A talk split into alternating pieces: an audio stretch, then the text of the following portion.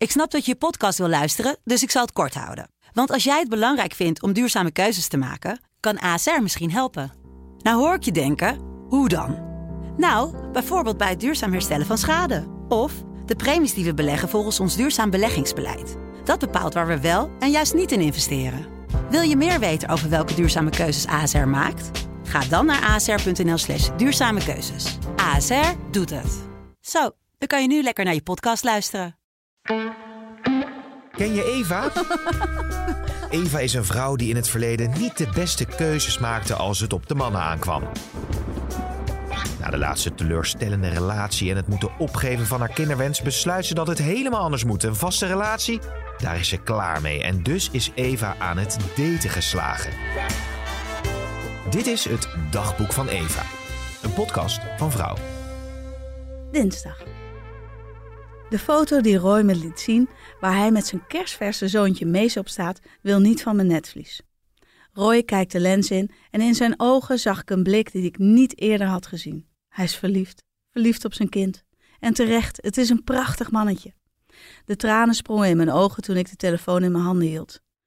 Wat had ik er veel voor over gehad om zo'n moment met de man van mijn dromen te delen? Moeder worden, zo'n klein kindje verzorgen en overladen met liefde. Het is mij niet gegeven en dat doet, ondanks dat ik me erbij neer heb gelegd, nog steeds veel pijn. We hebben elkaar dit weekend nog heel even gezien. Roy bleef maar praten over Mees. Hij weet dat ik geen kinderen kan krijgen, uiteraard, en hij merkte dat ik het er moeilijk mee had. Als Mees bij mij is, dan ben jij er toch ook gewoon? Dan zorgen we samen voor hem en dan ben jij een beetje zijn tweede moeder. Het is heel lief bedoeld, maar ik kan er niets mee. Ik wil Mees tweede moeder helemaal niet zijn. Wat Roy en ik hebben is voornamelijk gebaseerd op seks en heeft geen eeuwigheidswaarde. Wat als ik me aan Mees ga hechten? Of nog erger, Mees aan mij? Het blijft maar door mijn hoofd spoken dat ik de banden met Roy moet doorsnijden voordat dit gebeurt. Over een maand komt hij voor het eerst bij zijn vader slapen.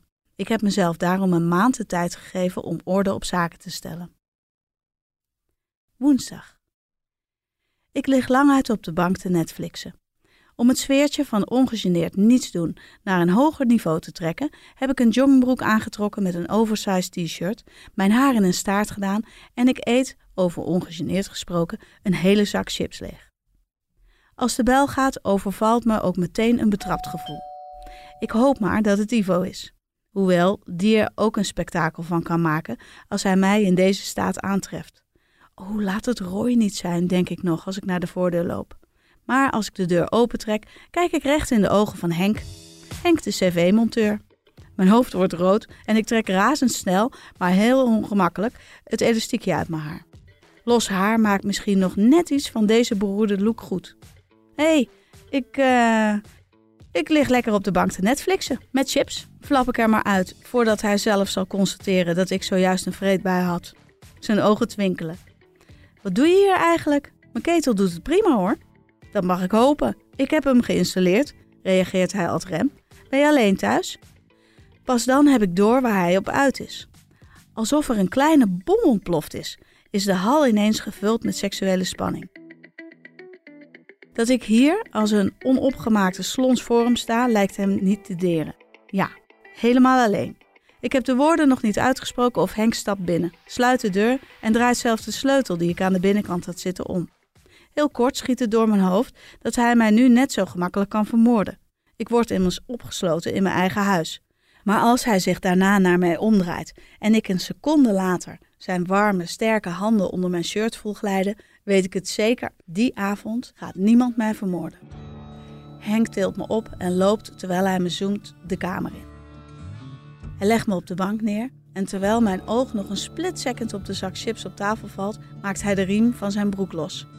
Heb de hele dag aan je gedacht. Sterker nog, ik denk al dagen aan je. Ik vind je zo ongelooflijk lekker. Maandag. Heb je Henk nog gesproken?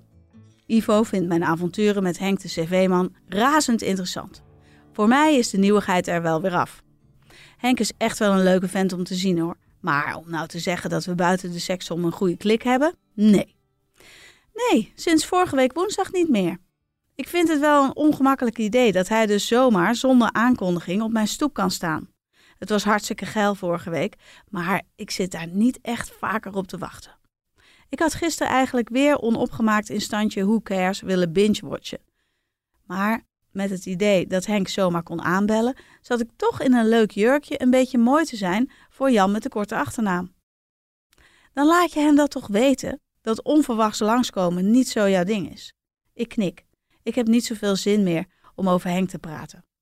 Nog een week en dan woon je bij mij om de hoek. Ivo's ogen stralen meteen. Ja, bizar hè? Ik heb zo'n zin in die verhuizing.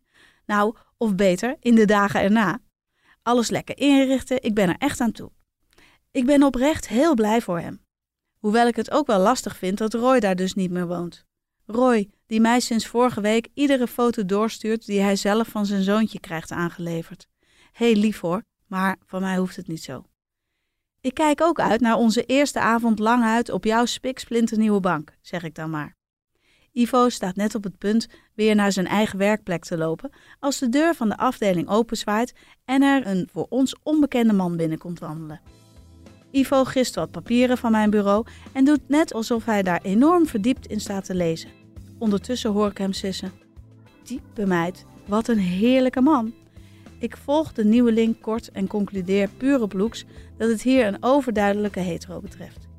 Je gaydar staat weer niet helemaal zuiver afgesteld, schat. Deze is getrouwd, drie kinderen, veel te oud voor jou. Inderdaad goddelijk, maar niet zo haben.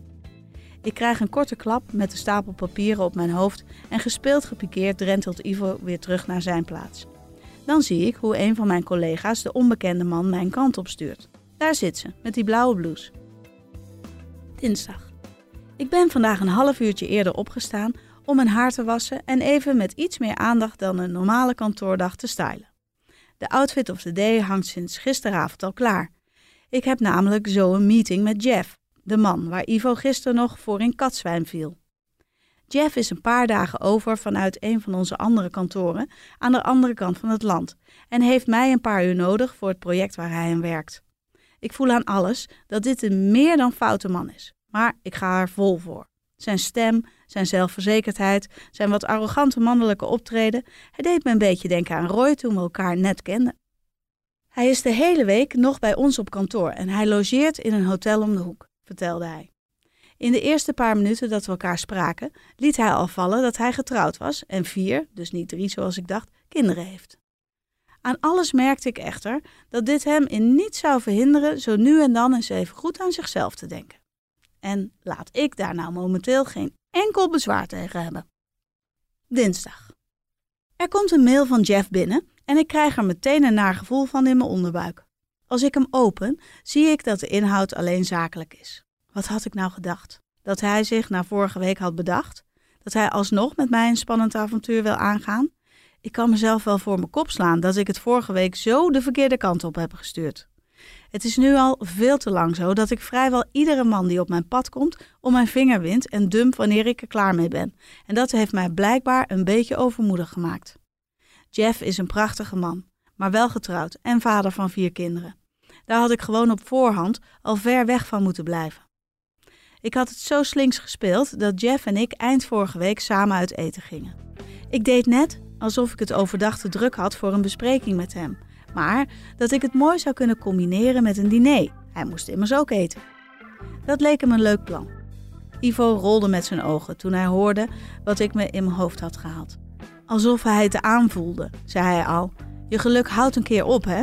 Er zal, hoe beeldig je ook bent, ook echt een keer een man zijn die zijn kop er wel bij houdt. Het maakte mij alleen maar strijdbaarder. Ik zou zorgen dat deze getrouwde man zijn kop er even helemaal niet meer bij had. Het etentje begon heel gezellig. Ik bestelde een wijntje, Jeff een spa rood. Daar had ik al alle alarmbellen moeten horen rinkelen. Deze man wilde helder en nuchter blijven en dat deed hij vast niet zonder reden. Na een uurtje bestelde hij wel een biertje, wat me weer iets meer deed ontspannen. Nu zou het weldra losgaan. Ik zat inmiddels al aan mijn derde glas wijn en van al onze zakelijke besprekingen nam ik niet veel meer op. Ik had al diverse toespelingen gemaakt, maar Jeff ging er niet op in. Hij keek me wel steeds iets langer aan dan normaal zou zijn. Voor mij een signaal om het flirten naar een hoger niveau te tillen. Ik greep me aan iedere strohalm vast. Toen Jeff zijn laptop openklapte om iets te verduidelijken, trok ik mijn stoel meteen naast de zijne. Ik rook zijn luchtje en maakte daar meteen een flirterige opmerking over. Werk, Eva. Werk, tikte Jeff met een ondeugende glimlach op zijn laptop. Het was alleen helemaal geen ondeugende glimlach. Het was een ongemakkelijke glimlach waarschijnlijk, maar dat had ik licht in mijn hoofd niet helemaal in de gaten. Toen we hadden afgerekend en buiten stonden en ik mijn charme-offensief vol inzette, viel het kwartje bij mij pas echt. Ik had wat voor hem staan dralen en met mijn meest sexy stem gevraagd of hij nog zin had in een wijntje ergens anders, misschien bij mij thuis of bij hem op zijn hotelkamer. Mijn bedoelingen waren niet te missen. Het was voor Jeff aanleiding om helder te zijn. Eva, ik ben getrouwd en gelukkig getrouwd. Ik ging ervan uit dat die wetenschap voor jou voldoende zou zijn om mij niet te verleiden, maar blijkbaar heb je het in klare taal nodig. Ik vind je een prachtige vrouw, maar er gaat echt niks gebeuren tussen ons. Ik was op slag nuchter en schaamde me dood. Ik heb het niet ontkend en me meteen verontschuldigd. Ik wist niet hoe snel ik me uit de voeten moest maken. De vrijdag erna heb ik hem zoveel mogelijk proberen te ontlopen. En het hele weekend erna spookte het door mijn hoofd. Ik heb me voorgenomen nooit meer achter getrouwde mannen aan te zitten. Donderdag. Ik heb een rotweek. Niets loopt zoals het zou moeten lopen en mijn humeur ligt ver beneden alle pijl. Het contact tussen Roy en mij is minimaal en dat vind ik ergens wel prettig. Het is immers toch een aflopende zaak. Anderzijds wil ik hem nu gewoon zien. Ik heb liefde nodig, seks. Ik twijfel of ik Roy een appje zal sturen. We kunnen vast wel iets afspreken. Dan besluit ik dat ik gewoon spontaan bij hem aanwaai. Waarom niet? Als ik een klein uurtje later helemaal mooi opgemaakt met mijn haar in de krul bij hem voor de deur sta, doet hij met een geschrokken hoofd open. Eve, wat doe jij nou hier? Ik weet meteen dat hij niet alleen is.